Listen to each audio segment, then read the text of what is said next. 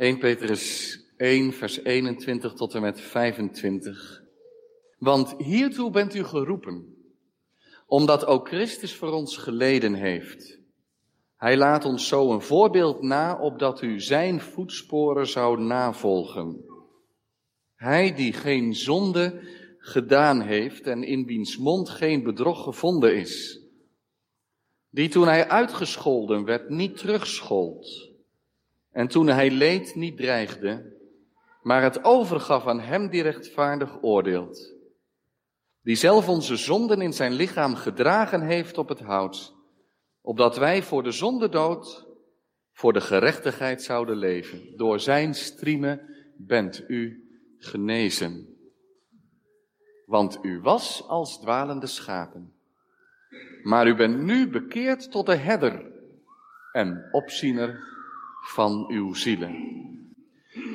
Tekst voor deze preek, een bijzondere preek natuurlijk ook in verband met de bevestiging van twee ouderlingen, is Handelingen 20 het gedeelte wat we hebben gelezen en daarvan vers 28, waar staat, zie dan toe op uzelf en op heel de kudde, te midden waarvan de Heilige Geest u tot opzieners aangesteld heeft om de gemeente van God te wijden, die hij verkregen heeft door zijn eigen bloed.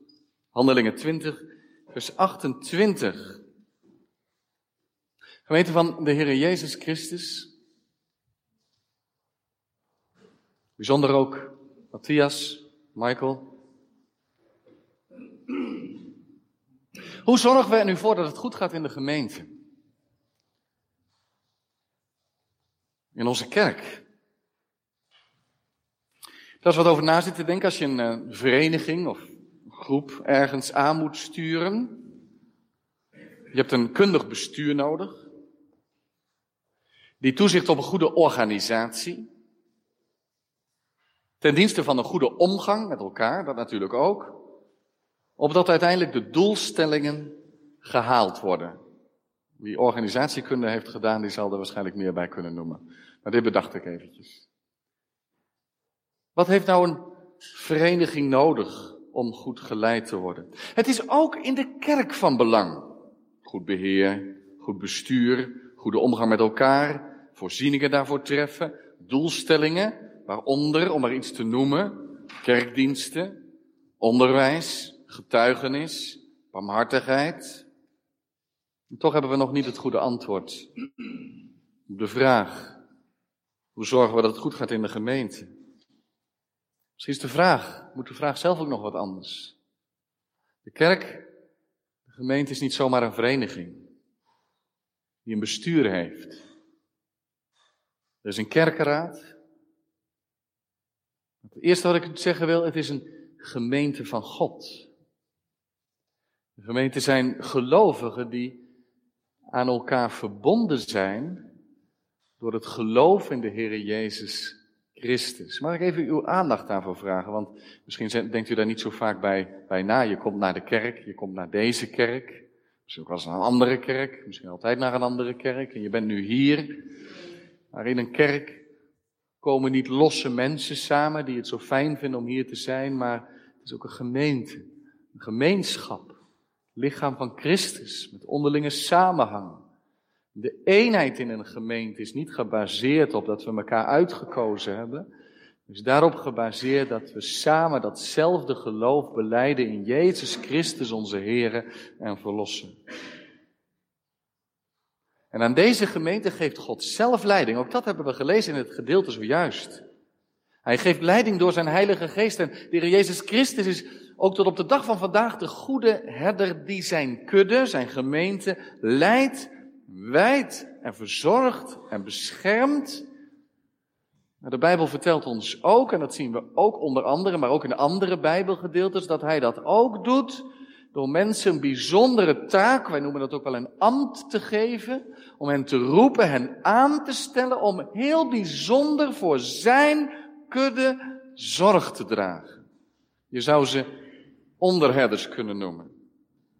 Nou, misschien is ook herdershond wel een mooie typering daarvoor. Onderherders, noem het zoals je wil. Vandaag ontvangen we twee nieuwe ouderlingen. In deze preek willen we stilstaan bij de vraag, wat betekent dat nou voor ons als gemeente? Wat betekent dat voor hen? Maar toch ook wel voor een ieder. Je mag ook luisteren met de vraag, hoe behoor ik tot mijn gemeente? Tot de gemeente van de Heer Jezus Christus. Wat betekent dat nu eigenlijk? Thema voor de preek is aangesteld om de gemeente van God te wijden. Aangesteld om de gemeente van God te wijden. We, letten eerst op wat die gemeente van God is. Vervolgens dan wat de taak van de ouderlingen is. En als laatste ook wat het dan betekent om toezicht te hebben op jezelf als ouderling. Aangesteld om de gemeente van God te wijden. Onze tekst is onderdeel van die afscheidstoespraak van de apostel Paulus. Het is een bijzonder moment in het leven van Paulus, want hij reist naar Jeruzalem en hij zegt dan gebonden door de Heilige Geest. Dat is een hele wonderlijke uitdrukking. Dat wil zeggen, ik voel me echt geleid door de Heilige Geest om naar Jeruzalem te gaan. Ik heb het sterke gevoel en eigenlijk ook, ik weet dat ook wel zeker zoals de Heilige Geest mij leidt. Ik moet daar naartoe. Maar ik voel ook aan alles aan dat dit een afscheidsreis is. Ik kom hier niet weer terug. Ik weet niet precies wat er in Jeruzalem gaat gebeuren, maar ik moet er naartoe, gebonden als het ware door de Heilige Geest. En nu moet ik afscheid nemen.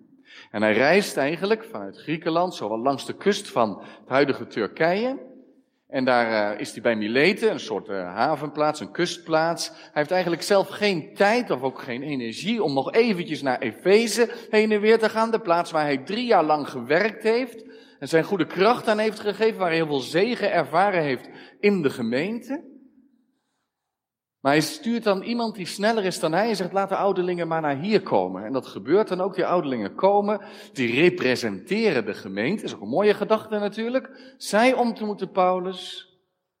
Dat is een afvaardiging van de gemeente. En daar neemt hij afscheid van hen. Hoe zal het nu verder gaan?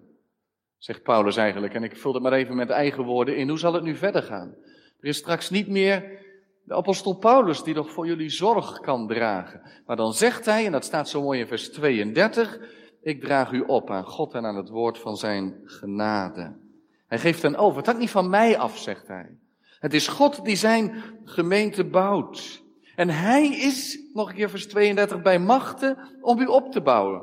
En u een erfdeel te geven onder alle geheiligden. Hij is bij machten om zorg te dragen voor de gemeente. Hij bouwt zijn kerk. En dan zien we ze aan het einde van de toespraak neerknielen, huilend om dit afscheid. Wat een verbondenheid in datzelfde geloof in de Heer Jezus Christus. Hoewel het heel duidelijk is dat God zijn gemeente bouwt, zie je in deze toespraak ook heel duidelijk dat hij daarvoor mensen inschakelt. De positie en de taak van de ouderlingen komt aan de orde. Zij krijgen de opdracht om de gemeente te verzorgen, te dienen, te leiden. En daartoe zegt de apostel in dit vers, ze zijn daartoe aangesteld. Dat is een ontzettend belangrijk zinnetje, zoals ik dat eigenlijk van elk zinnetje deze tekst wel kan zeggen. Aangesteld door de Heilige Geest.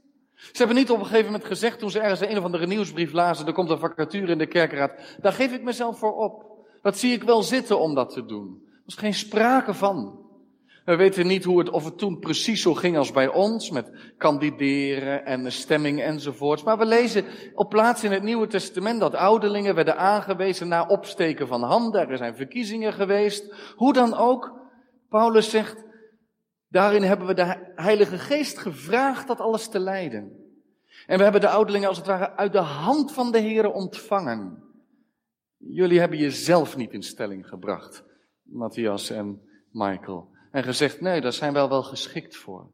Maar wij zeggen, we hebben gebeden, we hebben gesproken, we hebben gezocht, we hebben gestemd. En we geloven dat we vandaag zeggen mogen, wij geloven dat de Heilige Geest jullie tot deze taak aanstelt. Zo mag je gaan. Het werk oppakken onder leiding van die Heilige Geest. Zo wil Hij zorgen door de ouderlingen en de diakenen heen voor zijn gemeente. U blijkt in deze tekst, en dat heb ik eigenlijk al staat het een beetje achteraan de tekst als eerste willen noemen, dat die ouderlingen, en natuurlijk wij ook allemaal, een diep besef moeten hebben van wat de gemeente eigenlijk is. We zien zomaar een groep mensen die het fijn vinden om bij elkaar te komen. Nog een keer, hoe denken wij over de gemeente? Hij noemt het de gemeente van God, niet van ons. We mogen er niet op onze manier vorm aan geven, voor zorgen, maar onze gedachten op zijn wijze. Daar zullen we altijd voor bidden. Heer, het is uw gemeente. Geef dat u de eer ontvangt vanuit onze gemeente, die uw gemeente is. Gods gemeente. En dan staat er zo bijzonder bij, wat een zin is dat, die hij verkregen heeft door zijn eigen bloed. Dat was een zin om dat tien keer te lezen.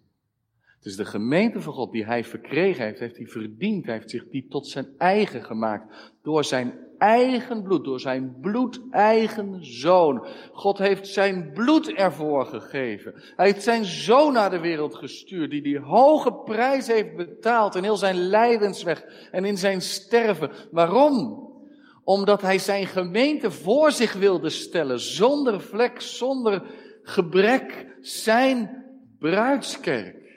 Daar heeft hij alles voor over gehad. Hij heeft hen lief gehad tot in de dood.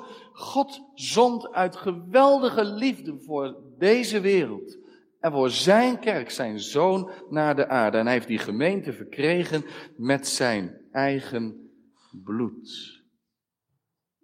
Dat betekent niet dat je dan moet denken dat de gemeente perfect zou zijn, volmaakt. Helemaal niet.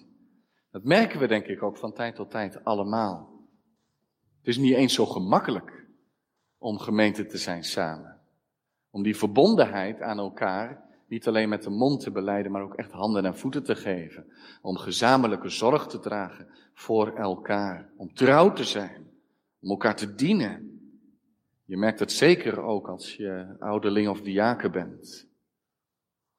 En je merkt het trouwens ook in Handelingen 20, want niet lang na deze tekst begint Paulus te spreken over de bedreigingen die er zullen zijn. En die niet alleen van buiten op de kudde afkomen. Maar hij zegt dan dat de beeldspraak is natuurlijk heel apart. Er zullen wolven in uw midden opstaan. Dat is wel lastig, wat dacht hij aan? Maar als je later de brief aan de Efeziërs leest en nog later de brief aan Timotheus. Of die brief aan de Efeze in openbaring 2, dan zie je, het is wel gebeurd ook. Binnen in de gemeente kwam er dwaalleer. Mensen die trokken de gemeente uit elkaar daarmee. Het is niet altijd perfect. Ver van. Maar zegt de apostel eigenlijk met deze woorden, als ik ze luister, proef ik dat er ook in en ik hoop u ook.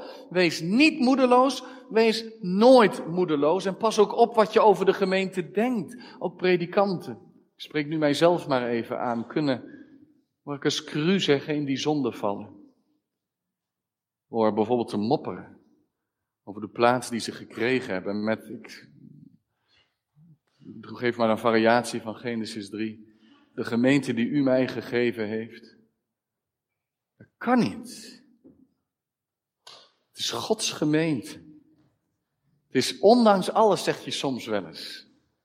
De bruid van de Heer Jezus Christus. Hij heeft alles voor haar overgehad. Zullen wij dat dan ook doen? Hoe zijn wij dan lid van de gemeente? Of geen lid, maar betrokken bij de gemeente. In het besef, hier gebeurt meer dan toevallige samenkomst van mensen in een bepaalde vereniging. De gemeente van God, verkregen met zijn eigen bloed.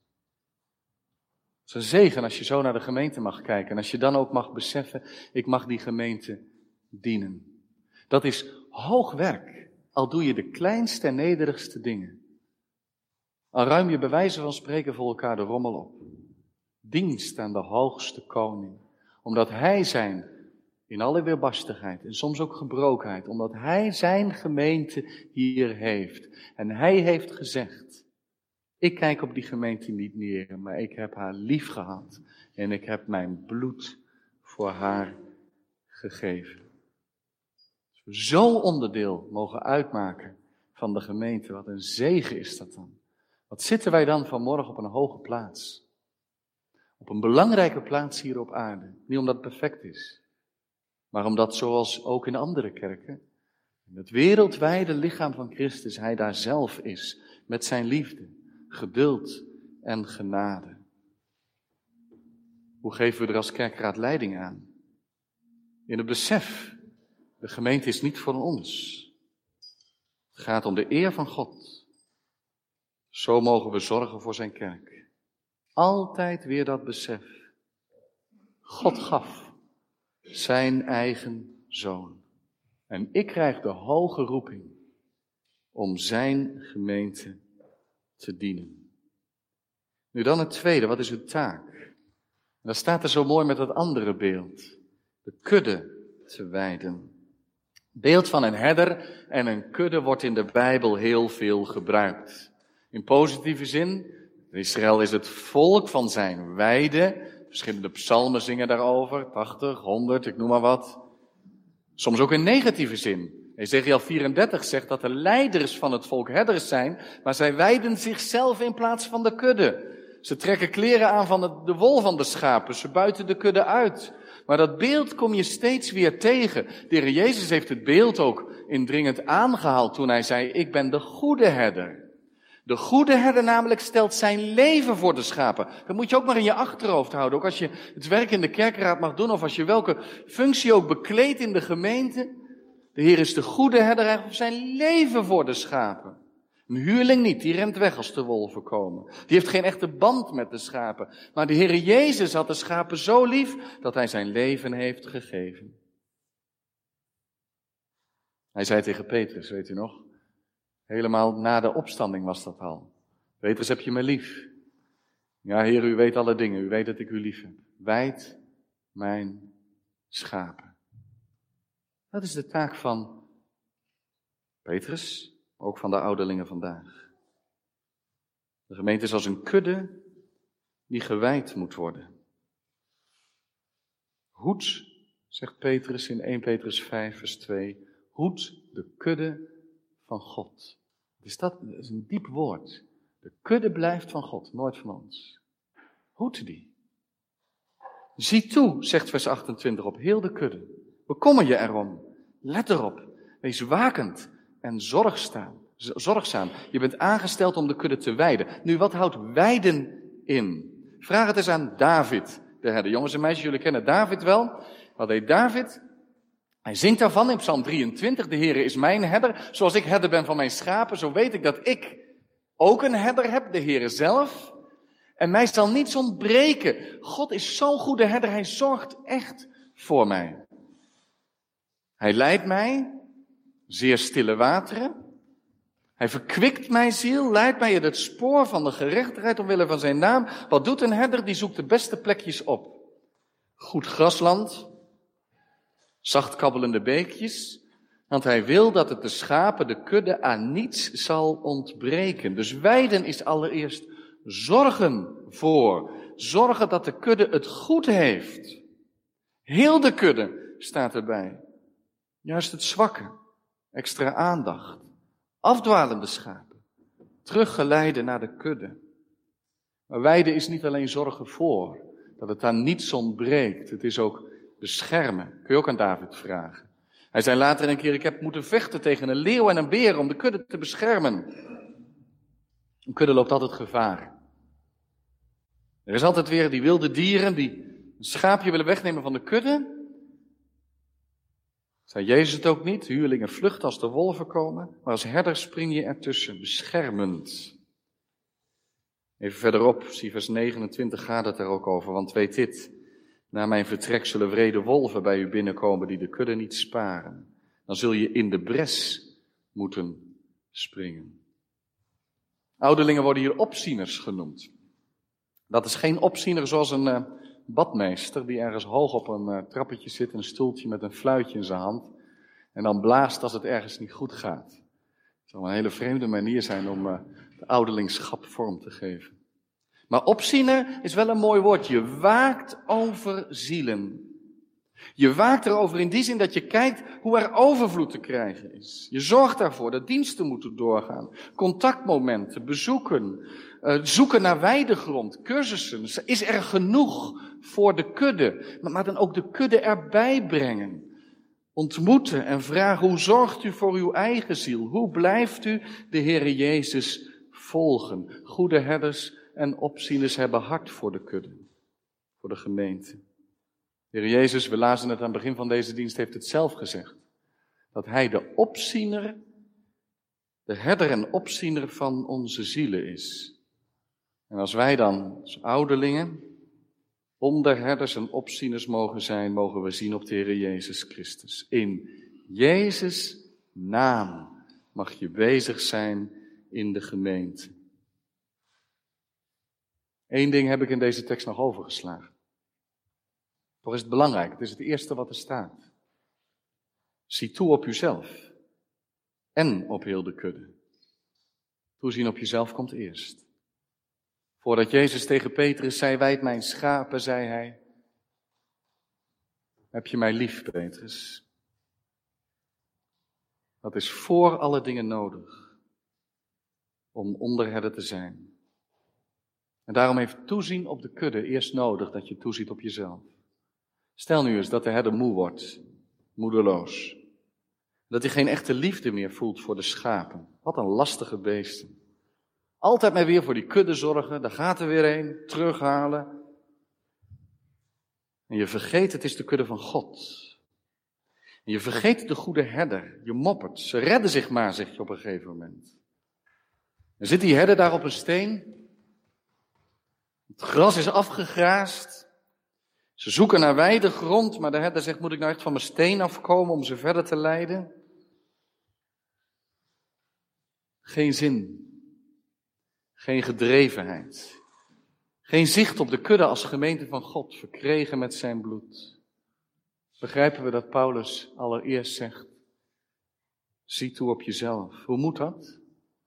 Er is veel over te zeggen, maar wel allereerst dit, dat je dagelijks je hart afstemt op God, op zijn koninkrijk, de toekomst van de Heer Jezus Christus en een biddend leven hebt. Je kunt niet alleen geven, je geeft jezelf leeg en wat heb je dan? Je moet zelf gevoed worden. Ik zeg dat het hardst tegen mezelf en ook tegen u. Ja, heren, u weet alle dingen. U weet dat ik u lief heb. Dan zegt de Heer, wijd mijn schapen, hoed mijn lammetjes, wijd mijn lammeren. Zo alleen en anders kan het niet. Gemeente, wat is het goed als je een kerkraad hebt die voor u bidt. Dat willen wij u toezeggen en beloven. Een biddende kerkraad die biddend de zorg de volle breedte van praktische dingen tot geestelijke leiding voor u wil nemen. Zij waken voor uw zielen. Ik vind dat hele hoge woorden. Ik bid of de Heer ons wijsheid geeft om dit in de praktijk te brengen. Mag ik andersom vragen of u wilt bidden voor de kerkraad? Niet als een bestuursorgaan die de dingen een beetje op orde moet hebben, maar als broeders, ouderlingen en diakenen die de Heilige Geest in de gemeente heeft aangesteld, omdat dat de manier is waarop Hij zijn kudde wil wijden. Bid voor ons als kerkraad. En als u dat beseft, hoe de Heer door zijn geest ouderlingen aanstelt, wilt u ze ontvangen. En met ontvangen bedoel ik ook dat u uw hart opent als er meegeleefd wordt en geïnformeerd wordt en Laat u aansporen. Het besef mag ook leven in de gemeente. U bent onderdeel van de gemeente van God. En God zelf en de Heer Jezus Christus door zijn geest hebben de ouderlingen aan de gemeente gegeven. Wie hen ontvangt, ontvangt mij, zei de Heer Jezus Christus. En dat geldt tot op de dag van vandaag. Dan hebben we eigenlijk op deze dag, bij al deze diepe dingen, ook veel te vieren in dankbaarheid. De Heere blijft voor zijn kerk, voor zijn gemeente zorgen. Laten we onze handen daarbij vouwen. En de Heere danken en uitzien naar zijn zegen. We zullen weidegrond vinden, steeds opnieuw in het woord van God.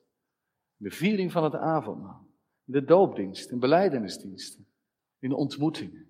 Samen bijeen rondom het woord van God, om richting te houden, troost te vinden. Zijn woord tot ons door te laten dringen.